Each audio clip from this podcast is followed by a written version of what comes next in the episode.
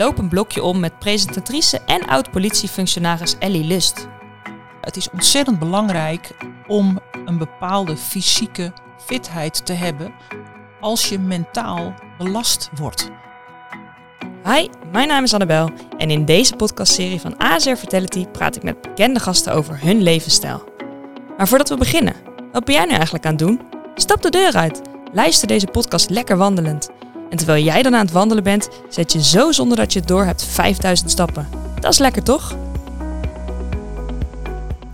In deze podcast loop je een blokje om met Ellie Lust. Ellie Lust kan je kennen van de politie, haar deelname aan het televisieprogramma Wie is de Mol, een van haar eigen programma's als Ellie op patrouille of Ellie in de handel, of van haar inzet voor de LHBT-gemeenschap. Ellie was tot 2018 woordvoerder van de politie van de stad Amsterdam. In die rol was ze regelmatig te zien in het nieuws en in opsporing verzocht. Maar Nederland leerde Ellie beter kennen door haar deelname aan Wie is de Mol, vier jaar geleden.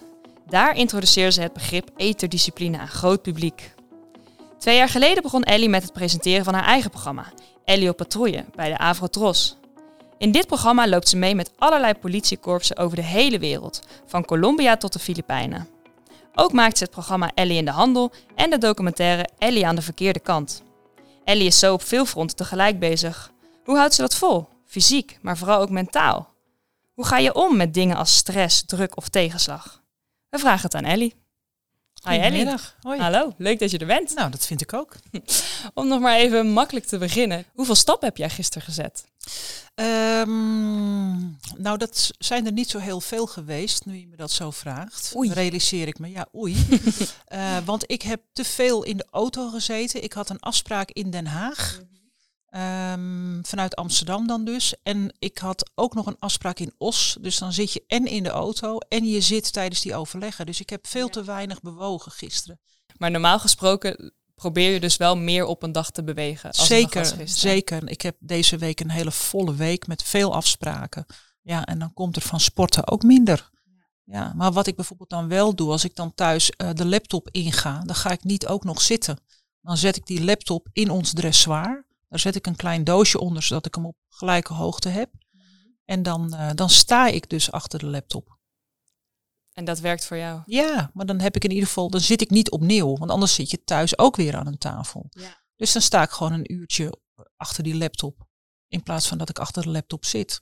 En ben je hier altijd al mee bezig om, om in beweging te zijn, om fit te zijn? Ik was jou natuurlijk een beetje aan het googelen en toen kwam ik erachter dat jij twaalf jaar lang op het hoogste niveau in Nederland hebt gevolleybald, Ja. ook in het Nederlands team hebt gezeten. Ja. Is dat iets omdat je dan al vanuit vroeger uit al veel met beweging bezig bent, dat je dat dan nu doortrekt? Ik denk het wel. Ik denk het wel, ja. ja. Wij zijn als kinderen altijd lid geweest van sportclubs. En eh, dat, we mochten allemaal één sport uitkiezen, want twee clubs was te duur. Dus we, we zijn gaan volleyballen, omdat toen op de lagere school het hele docententeam allemaal in het bestuur zaten van de plaatselijke volleybalclub. Dat was in Oostzaan, Compaan. Dat was een zeerover. En eh, wij werden, alle kindjes werden dus ongeveer lid van Compaan als je op die basisschool zat. En daar ben ik begonnen met volleyballen. En het is zo'n leuk, leuke sport en zo'n leuk spel. Nou, dan blijkt je het ook nog een beetje te kunnen. En ik was 18, toen ging ik naar de eredivisie toe. En daar heb ik eigenlijk tot mijn, eh, mijn 32e eh, ingezeten met een kleine pauze hier en daar. Zo. Ja, dus dat is een hele lange tijd. Ja. Dus dat bewegen, dat zit dan wel heel erg in je systeem. ja. Daar kun je om diezelfde reden ook heel erg genoeg van krijgen dan. Omdat je al zoveel getraind hebt. Toen we met het Nederlands team in voorbereiding waren op het Europees kampioenschap. Zaten we in het bankrasmodel. Misschien dat mensen daar wel eens van gehoord hebben. Dan, dan trainen we naast het Nederlands herenteam in de sporthal de Bankras. En het Bankrasmodel was dat je eigenlijk elke dag samen trainen. Dus we trainden 20 uur in de week. eh, en, dan, en dan bereidde je je dus voor op een groot toernooi. Dat is de voorloper geweest van de gouden medaille van de heren in Atlanta toen op de Olympische Spelen. Maar dat is. ehm, dat trainen eh, is dus dan heel erg onderdeel van je dag. ja. Maar Want zat jij toen ook al bij de politie of was, je, was je toen fulltime? Ja, ik was, bezig. ik was toen wel in. eh, mijn sollicitatie liep toen. Mhm. Ik ben begonnen in oktober 87 bij de politie. En, eh, en wij hadden toen ook in de eerste week van oktober 87 het Europees kampioenschap in België. Wat een timing. Ja, inderdaad. Ja. Dus ik miste de introductieweek. Dat vond ik wel heel jammer, Ja. want iedereen kende elkaar al toen ik eh, binnenkwam. Ja. Met een goede reden uiteraard. En daarna eh, heb ik eigenlijk altijd heel veel medewerking gekregen om de sport te kunnen blijven combineren met het politiewerk. Want ook daarna speelde ik nog wel in de eredivisie. En dat betekende dan dat ik bijvoorbeeld een ochtenddienst had. En dan begon ik om half zeven. Maar dan ging ik bijvoorbeeld om half drie weg. Omdat ik om vier uur in Apeldoorn moest zijn voor een training van vier tot zeven. Dus dat waren wel heftige, Volle dagen. volle dagen. En als je dan al een ochtenddienst achter je kiezen hebt, want dat is natuurlijk vroeg opstaan. Ja. En dan nog naar Apeldoorn rijden. Toen speelde ik bij Piet Zomers in, eh, in eh, Dynamo in Apeldoorn. En, ehm, ja, en dan moet je weer inlopen. Weet je, en weer je warming-up doen. Nou, maar je bent er dan op een gegeven moment wel een beetje klaar mee met Ja. die routine. Ja. Maar het, het fit zijn, ik voel me altijd het lekkerste wanneer ik voel dat ik, dat ik fit ben. En dat ik, dan zit ik gewoon lekkerder in mijn vel. Wat, wat is voor jou de definitie van fit? Wanneer voel jij je fit? Ik denk dat als ik ehm, in ieder geval de gelegenheid heb, de ruimte voel om een aantal keren per week te trainen. En dan op de manier waarop ik dat ook wil. Want dan ik kan ook dan wel hard trainen. Dat vind ik lekker. Spierpijn, daar hou ik ook van. Dat is ook zoiets geks. Mensen vinden het over het algemeen niet zo fijn. Dan heb je ik het idee dat je echt iets gedaan Precies, hebt. en dat je je lijf echt aan hebt Ja. gezet. Dus, Ja. en dat wil ik eigenlijk altijd wel, wel voelen. Niet per se die spierpijn, maar wel dat ik echt een, een- zeker drie keer in de week zo'n training heb gedaan. Die topsportsmentaliteit die je hebt gekregen eigenlijk door het volleyballen. Is dat ook iets wat jou heeft geholpen in je politiecarrière? Ehm, dat zou kunnen. Ja. En dan gaat het niet per se alleen over de fitheid die daarbij hoort. Ehm, maar het gaat ook over dat je weet, in mijn geval, hoe het is om ehm, ook in een team te presteren. En je, ik zeg wel eens, je kan bijna zien hoe politiemensen werken, hoe ze eh, in een team sporten. Want kun je samenwerken? Kun je om hulp vragen? Want soms ga jij even niet zo heel lekker. Hè, en in het volleybal dan even specifiek, als bijvoorbeeld achterin een paas gegeven moet worden vanuit een service van een tegenpartij. En jij staat twee ballen weg te ketsen, eh, dan is het prima als je even tegen een medespeelster daarna zegt, "S- schuif even een stukje voor mij om die, Ja, om die ba- Pak jij ze even. dat, maar ook energie geven, samenwerken, weet je, dat zijn heel erg nadrukkelijk dingen die je terugziet in samen sporten, maar die je ook in politiewerk terugziet. Ja. En dat het teambelang uiteindelijk altijd het allerbelangrijkste is. Het gaat niet om jou, het gaat om het team. En, Ja.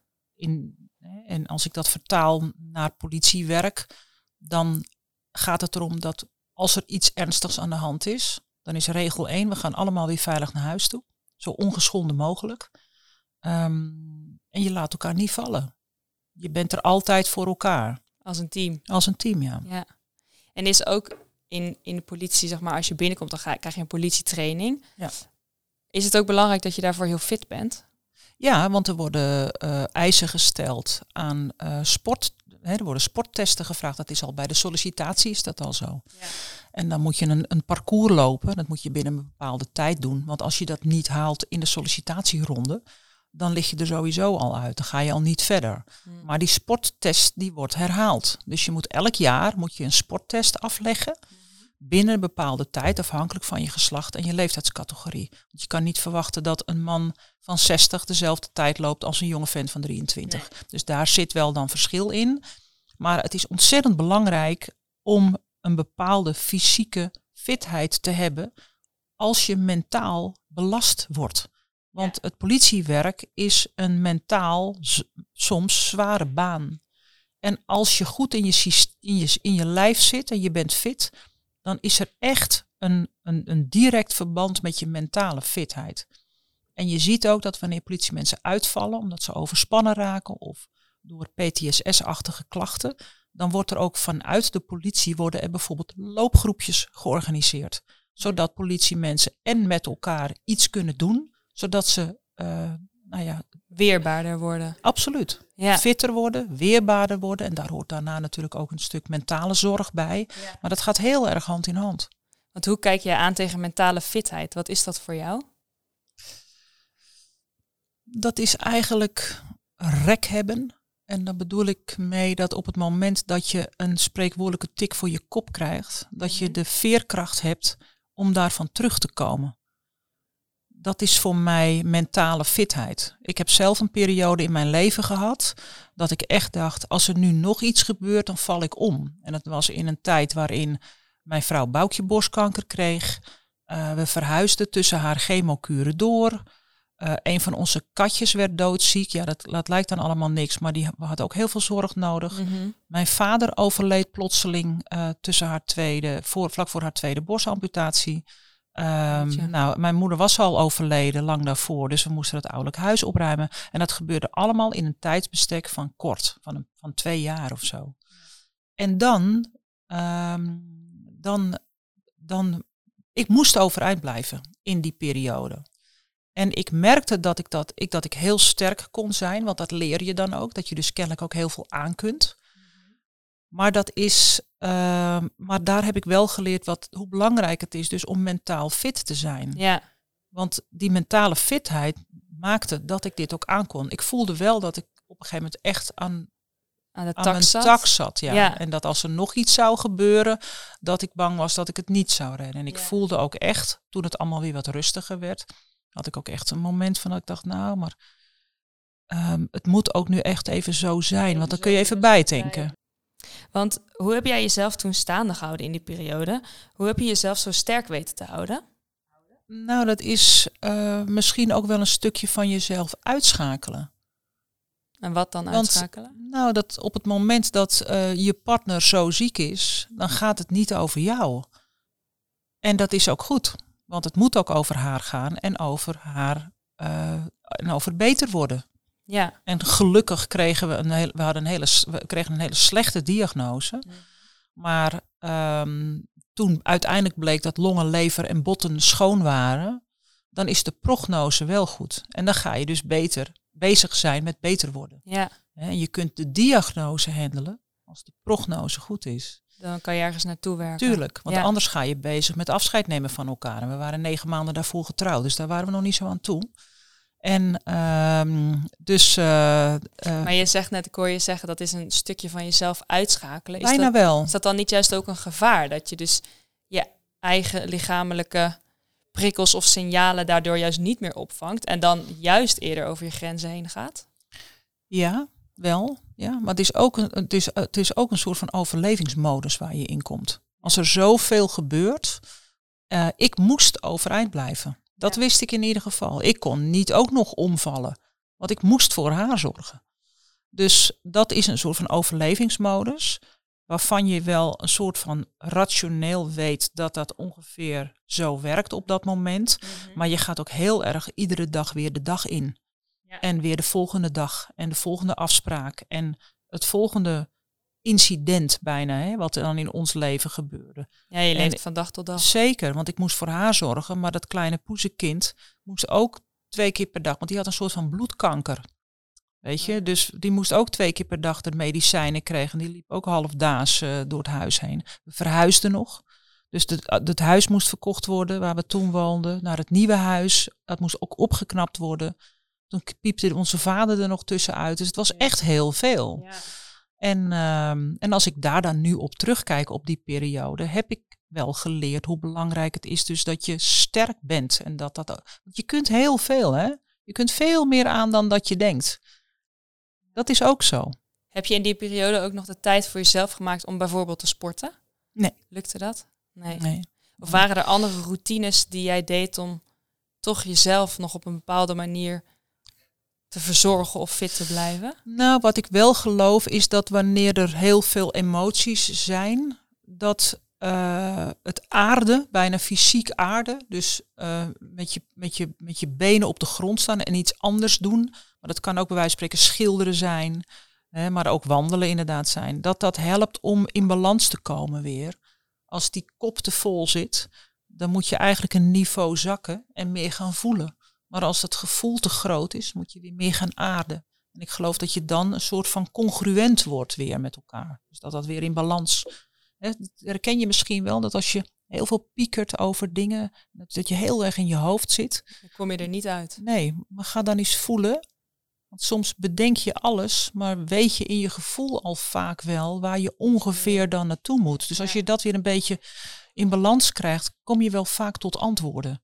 En dat is, het, dat is ook met uh, te veel emoties uh, voelen. Als er te veel gebeurt, dan geloof ik dat wanneer je dan gaat aarden en iets gaat doen, dat je ook daar even los van komt en daar even afstand van neemt. Maar ik kan me eigenlijk nu niet meer zo goed herinneren wat ik toen deed. Hoe je die periode hebt doorstaan. Nee. Zit je waarschijnlijk op de, bijna op de automatische piloot. Dat denk ik. Dan ga je gewoon. Je weet ook dingen niet meer. Hè? Nee. Want het is zoals het is en je gaat. Ja. ja. Is dit ook iets wat je herkent bij jouw werk, uh, waarbij je inzet voor de LHBT-gemeenschap, die mentale fitheid, hoe belangrijk dat is en wat voor een effect dat heeft op de rest van het lichaam? Um, nou, je ziet, hè, en ik vind dat uh, de, de Pride-gemeenschap, want, want, er zijn nogal wat letters die zich willen aansluiten bij de L, de H, de B en de T. Hè. Ja. Dus ik noem het in zijn algemeenheid maar dan maar gewoon de Pride-gemeenschap. Ik denk dat het goed is om daar niet een soort van slachtofferschap in, uh, in, in te zien. Hè. Er gebeurt natuurlijk genoeg.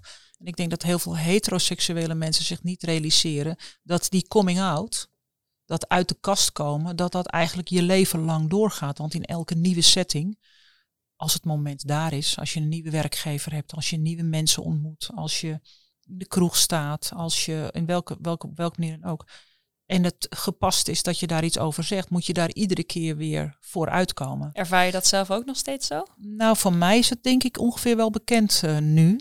Maar, um, Omdat je nu een redelijk bekend persoon bent, bedoel je? Ja, dat ik mensen denk dat, dat van jou weten. Ja, zoals dat van meerdere bekende mensen wel nu bekend is. Ja. Maar uh, wij hebben een klein huisje in Frankrijk, waar, uh, ja, waar, de, waar, ik, waar natuurlijk niemand Ellie Lust kent, wat ook prima is. En als ik dan met Boukje ben, dan, dan, dan, dan denken ze dat je zusjes bent. Hm. Grappig, hè? Dat de aanname dan een soort van is van, nou, dat zullen wel zusjes zijn. Omdat het feit dat dat een, een volwaardige relatie is, net als man en vrouw, dat komt dan niet altijd op in de, in de hoofden van de dorpsgenoten. Ga je dat dan elke keer nog weer leggen of uitleggen? Nee hoor. Dat laat je zo. Daar is mijn Frans ook niet goed genoeg voor. dus dat is een mooi excuus. Maar uh, nee, dat, ik vind dat het is ook privé. Hè. Je hoeft het ook niet altijd uit te leggen aan iedereen.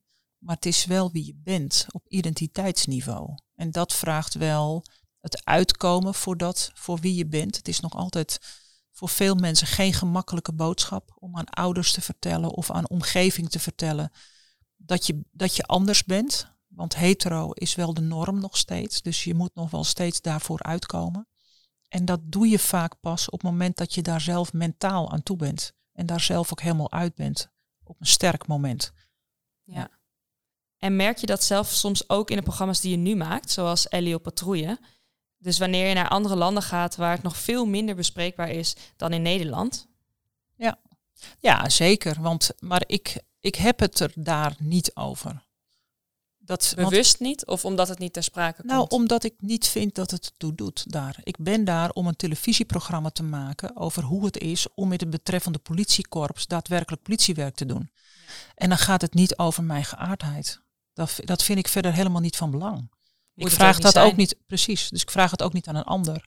En er zijn wel situaties geweest die wat ongemakkelijk waren. Omdat als je dan met, hè, want je, je praat natuurlijk ook veel met de politiemensen wanneer de camera even niet aan is. En dan vraagt iemand wel eens van hoe het dan, ja, wie je dan bent. En het was er in Bogota in Colombia een politieman die zei, I think you are married and have two children.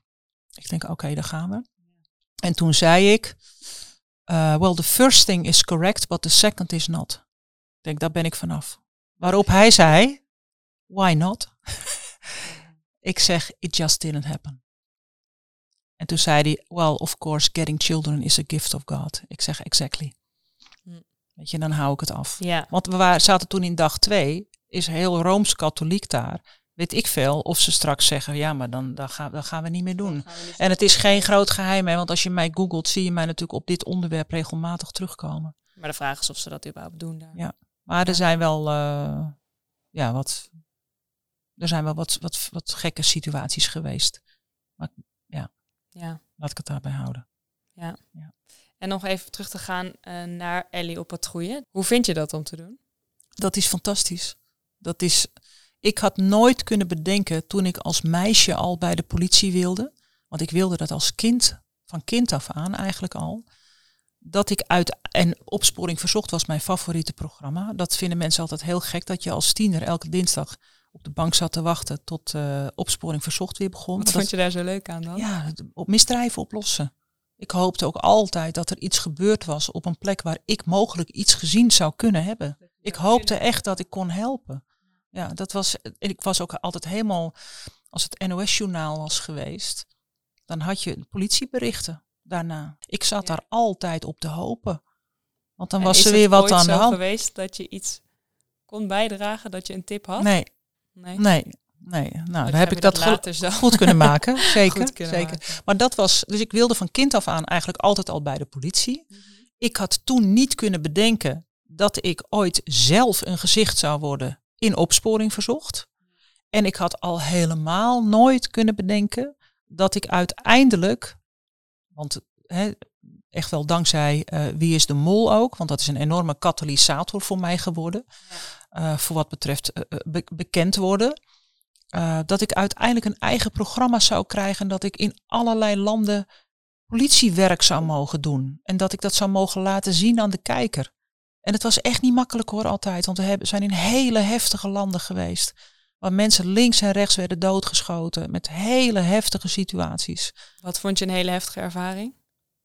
Um, nou, ik denk dat uh, in het laatste seizoen uh, Manila een heel heftig. Uh, want ik bedoel, Duterte is daar de president. Mm -hmm. En president Duterte zegt gewoon tegen de politie: kill them all, the idiots. En dan heeft hij het over mensen die iets te maken hebben met drugs. Nou, en er wordt echt geen onderzoek gedaan naar het handelen van de politie hoor. Op het moment dat er een, iemand wordt doodgeschoten door de politie. Dus in die week, want we draaien daar dan vijf dagen, hadden we ook vijf doden. Drie doodgeschoten door de politie, één politieman doodgeschoten en nog een vrouw die uh, afgemaakt was om een of andere niks reden.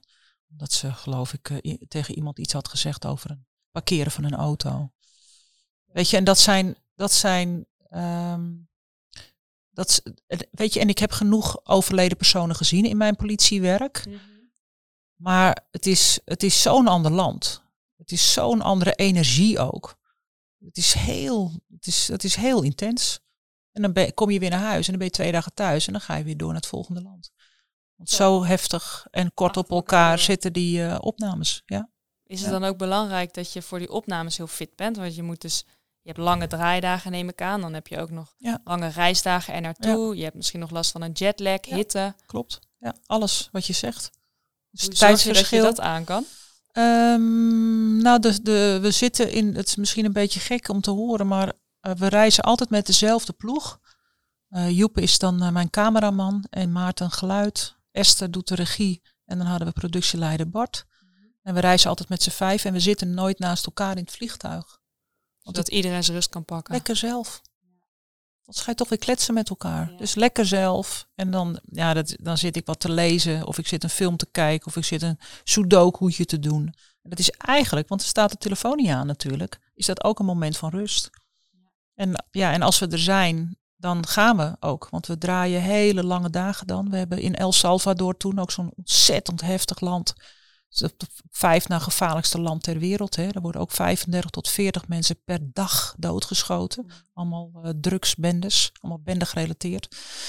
En toen hadden we een draaidag van 25 uur. Dus we gingen s ochtends om 6 uur begonnen. We kwamen de volgende ochtend om 7 uur terug. Jeetje. En dat was eigenlijk gewoon omdat alle accu's leeg waren. Dus we moesten terug om dat op te laden. Maar ja, we kregen iedere keer weer iets nieuws. Want dan konden we die nacht weer mee om uh, bendeleden van hun bed te trekken die gesignaleerd stonden. Ja, dan ga je niet zeggen, nee, we gaan slapen. Dan ga je natuurlijk weer mee. Wat dus vindt komen... partner ervan, dat je dit elke keer doet? Vindt zij dat wel... Het is wel, er zitten wel risico's aan verbonden. Ja, ja zeker. Zeker. Politiewerk is nooit ongevaarlijk. Nee, maar ook in Surhuisterveen kan er zomaar ineens iets gebeuren. Dus dat weet je maar nooit. Politiewerk is overal uh, ter wereld niet ongevaarlijk.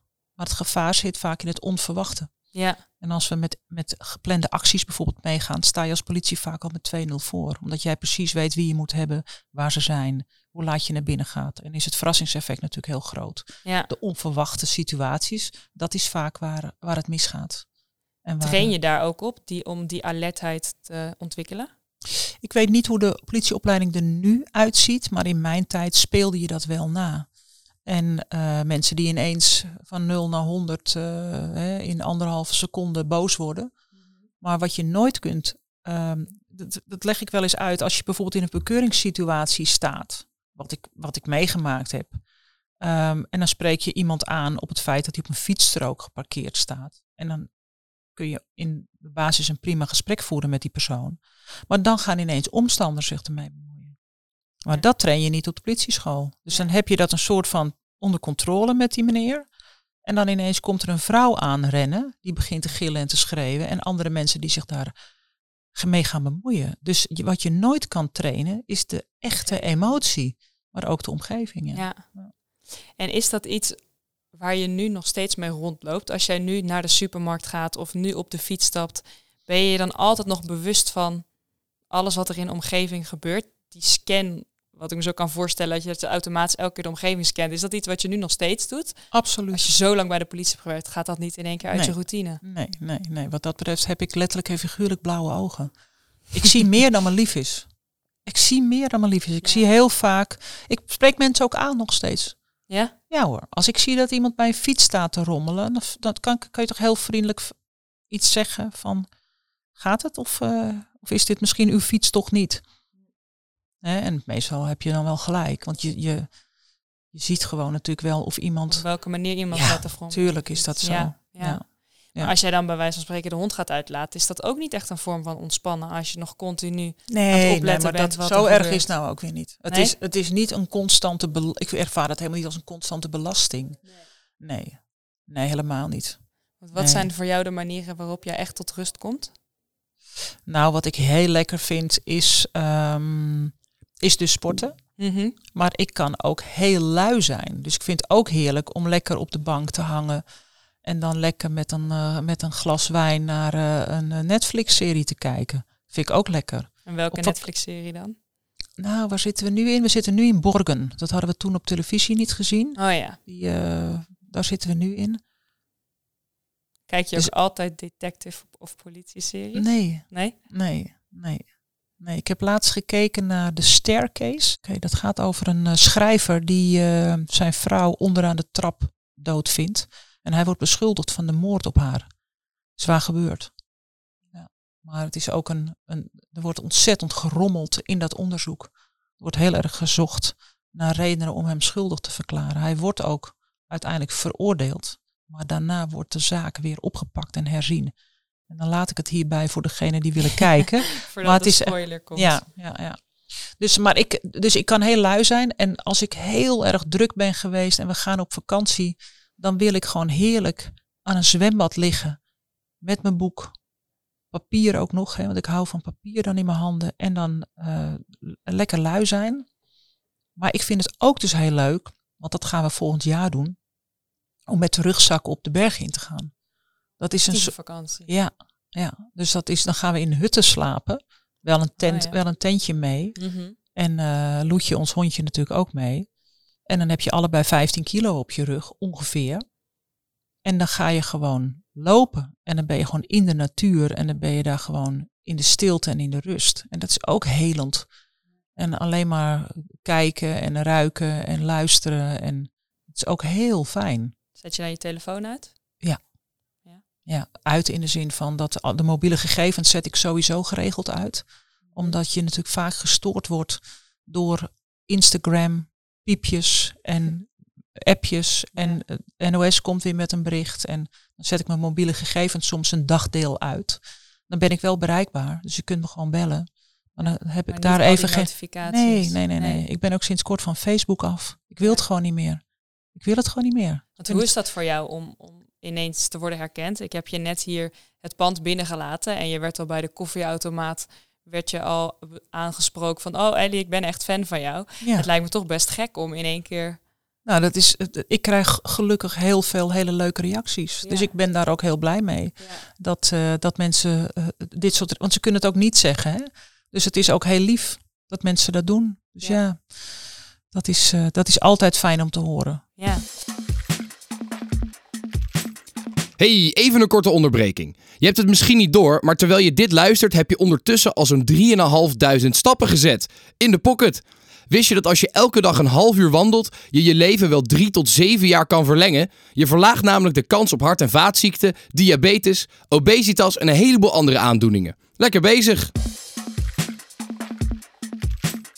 Nou, we hebben natuurlijk ook op Instagram geplaatst dat jij hier naartoe kwam. Ja, En er zijn een aantal mensen die wat vragen eh, hebben ingestuurd om die aan jou te stellen. leuk. Dus ik zou die graag aan jou willen voorleggen. Ja, kom maar door. Mijn naam is Sterre en ik had een vraag. Wat is je lievelingsboek? Ja, dan wil ik natuurlijk mijn eigen boek noemen. Want ik heb sinds kort ook een boek geschreven. Mijn jaren bij de politie. Tot zover de reclame. En nu het Ehm, echte boek. ik heb een boek gelezen van Benedict Wells. Het einde van de eenzaamheid. Dat heeft veel indruk op me gemaakt. Dat gaat over een, een man. Dat is het begin van het boek is dat hij in het ziekenhuis ligt. Want hij heeft een motorongeluk gekregen. En terwijl hij daar ligt, want hij is behoorlijk gewond geraakt. Hij heeft het wel gelukkig overleefd. Ga je zijn leven in. En dat is een heel ingrijpend en aangrijpend liefdesverhaal. Dus dat is mijn boekentip ook. Om dat eens te lezen. Naast mijn eigen boek natuurlijk.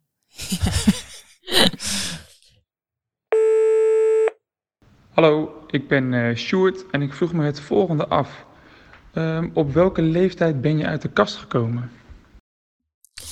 Ehm, de eerste keer dat ik, ehm, dat ik het voor mezelf echt toegaf, dat was toen aan mijn tweelingzusje Marja. Toen was ik 19. Ik wist het al wel zelf, maar ik had het nog nooit hardop gezegd. En als, je, en als je het hardop zegt, is het zo. Ja. En als je het nog nooit hardop hebt gezegd, dan kan je het nog altijd een soort van van jezelf laten zijn. Dus ik was een jaar of 19, maar mijn ouders wisten het eigenlijk pas jaren later. Want ik had wel het gevoel dat ik ze teleurstelde op de een of andere manier. Omdat het niet is zoals ze misschien verwacht of gehoopt hadden. Nou, ik heb hele lieve ouders gehad, dus iedereen was altijd wel welkom. Maar eh, het waren ook traditionele mensen. Weet je, mijn moeder was thuis met de kinderen, mijn vader werkte. Mhm. En mijn moeder kon zich nooit zo goed voorstellen dat je net zoveel van een vrouw kon houden als dat zij van mijn vader hield. Ja. Dus, dat, de- hè, dus alsof de liefde niet hetzelfde is. Maar ik was 19 om antwoord te geven op de vraag. Oké. Hoi Ellie, mijn naam is Anne en ik heb een vraagje. Ik vroeg me namelijk af, hoe vaak gebruik jij zelf het woord eterdiscipline nog? Of kun je het inmiddels niet meer horen? Nou, het is, het, ik had nooit gedacht dat dat woord mij zoveel zou brengen. Want later hoorde ik van de productie van Wie is de Mol dat voor het eerst in, want ik zat in 2016, dat, en ze zijn in 2000 begonnen, Mhm. dus het 16e jaar, dat er voor het eerst merchandise is aangekocht eh, van een kandidaat, voor een kandidaat. Er werden t-shirts gemaakt Vanuit Wie met- is de Mol? vanuit Wie is de Mol met eterdiscipline erop. Eh, er werden blogs over geschreven, tot in België aan toe. En dat had ik nooit kunnen bedenken, want het, was, het is binnen de politie een heel gewoon woord. Hele gangbare term. Ja, want als je aan het, eh, op de, me- de meldkamer, de, de, de, de, de centralist, de, in het- in het operationeel centrum, Mhm. gemeenschappelijke meldkamer, daar zit iemand natuurlijk die de auto's op straat eh, stuurt. Door elkaar heen kletsen is er gewoon niet bij. En dan hoorde je wel eens, eh, voor een ieder eh, denkt u even aan de eterdiscipline. Dat. Nou ja, en dat vond ik een heel passend woord bij de opdracht waar ik toen in zat en iedereen door elkaar heen zat te blaren. Nou, dat is gewoon een ding geworden, had ik nooit kunnen bedenken. Maar hoe vind je Tot dat nu elk dan? jaar nog weer aan het... Ja, het is... Is het niet irritant dat mensen daar nog steeds over beginnen, dat je nu weer zo'n vraag krijgt? Ja, maar nee, het is, het is niet irritant. Ik vind het wel geestig, omdat ik nooit had kunnen bedenken dat het dit effect zou kunnen hebben. Want het is ondertussen wel echt vier jaar verder, ruim. Ja. Dus, maar het blijft heel erg hangen dus bij mensen. Want je ziet ook al in alle jaren eh, na mijn jaar, zie je ook nog weer opdrachten terugkomen met portofoons. En dan gaat Twitter meteen weer los met de hashtag eterdiscipline. Dus het is wel geestig dat dat zo, gegaan is. heeft. Ja. Ja. Ja. Hoi Ellie, Sarah hier. Ik had een vraagje. Welke locatie vond je het leukste om te draaien tijdens Ellie op patrouille? Nou, misschien was dat wel eh, in Canada. Wij zijn toen in een, uh, in een klein dorpje geweest met 800 mensen. En dat dorpje dat ligt op de ijsberenroute. Dus je moet je voorstellen, de ijsberen trekken elk jaar vanuit het zuiden naar het noorden om daar zeehondjes te vangen om te overleven. Zolang de zee niet bevroren is, moeten ze over het land. Maar dat dorp is, de ijsberen waren er eerder dan, eh, dan het dorpje, is geplaatst toen op de route van die ijsberen. Dus elk jaar komen er twee maanden lang ijsberen door dat dorp heen. Hoe heet dat dorp? Oh, waarom kan ik dat nu niet zeggen? Ik hoopte dat je die vraag niet zou stellen, want ik kwam er niet op. Want als had ik, dat was in dat kunnen mensen terugzoeken in de aflevering. Zeker, zeker, ja. Ja, want daar zeggen we het natuurlijk meerdere malen. De technische man gaat gelijk googelen. Ja, dus misschien komen we er nog op terug. Ik, kan, ik kan het nu niet zeggen. Stom is dat. Maar het is een, uh, het leuke van uh, die aflevering is dat ik ook met echt iemand van een wildlife organisatie ben meegeweest. Om dus dat je, ja, Churchill. Ah, daar Churchill. Nou, heel goed. Is dat ook opgelost? Opgelost. Churchill, Canada. En dat dorpje, dat, um, dat moet zichzelf dus twee maanden lang elk jaar beschermen tegen de ijsberentrek. Want ijsberen zien er heel schattig uit, maar ze zijn, zijn ze ongekend gevaarlijk. Ik heb ook gesproken daar met een jonge vrouw die ook gepakt was door een ijsbeer. En ze pakken je net als een zeehond. Ze grijpen gewoon je hoofd vast en ze gaan schudden tot je je nek breekt. Mm Zij heeft het overleefd, maar ze was echt gescalpeerd. En uh, ja, dus echt, dat is dan, dat vind ik zo te gek van dat programma. Het is allemaal politiewerk. Dus in Churchill, Canada, is de politie bezig om het dorp te beschermen tegen ijsberen. hoe doen ze dat dan? Wat is hun functie daar? Nou, dat is sowieso op alle wegen waar ze dan dus waar, waar ze eigenlijk het dorp in kunnen komen. Ja. Uh, daar staan ook uitkijkposten. er zijn hele strenge regels over vuilnis, niet buiten op straat, want ze komen oh natuurlijk af op voedsel. Ja. Alle deuren van de auto's in dat dorp zijn altijd open. Dus op het moment dat je op straat loopt en je wordt plotseling geconfronteerd met een ijsbeer, kun je een willekeurige auto ah, invluchten. Ja. Maar dat geldt ook voor de huisdeuren van mensen. Dus je kan dan gewoon een huis invluchten. Mensen gaan met, eh, we hebben het over wandelen gehad en dat mensen vooral moeten bewegen. Nou, in die maanden is het gevaarlijk om 100 meter te lopen. Dus je moet eigenlijk jezelf verplaatsen met een, met een vervoermiddel. Dat deden jullie vanuit de politie dan ook, altijd in een auto? Ja, ja. ik heb nog op een quad gereden, door de sneeuw heen. Gingen we uh, polar bear traps controleren. Want dan, dat zijn vallen waar dus uh, ijsberen in gevangen worden. Ze hadden daar een Polar Bear Jail. Ja, het is echt te gek. Dan hebben ze dus een soort van gevangenis voor ijsberen. Dat de ijsberen die dus in het dorp komen, die worden dan dus gevangen. Die gaan naar de Polar Bear Jail. En die worden, als er een aantal zijn, uitgezet in het gebied waar ze naartoe moeten. Want er is een groot respect voor de dieren. Een dier wordt pas gedood als het een mens heeft aangevallen. In principe zegt de bevolking daar, wij zijn gaan wonen in het gebied van de ijsbeer. Ja, dus wij hebben uh, het respect, respect, voor het leven van de ijsbeer. Dus wij gaan ervoor zorgen, niet alleen voor ons, maar ook voor de ijsbeer, dat dat goed gaat. Ja. Die polar bear uh, uh, traps die ze dan hebben, daar hangt dan ook een stuk zeehondenvlees in. En dan gaan ze die val in, ja, en dan, dan klapt die dicht. Dan blokkeert dus, die dus wat de politie dan doet, is dus de, de vallen controleren. Om te kijken of er een beer in zit. Nou, dat is toch tof. Ja. Dat is net iets anders dan. Dat, uh... dat, dat is niet in Amsterdam zo. Nee, nee, nee dat is een heel andere problematiek. ja. ja. ja. Nou, ik denk dat we al bijna bij de laatste vraag zijn aanbeland. En um, dit is een vraag, het gaat eigenlijk om als je wakker wordt, soms heb je er gewoon even echt geen zin in. Het is nog donker, het is nog koud, het wordt nu weer winter.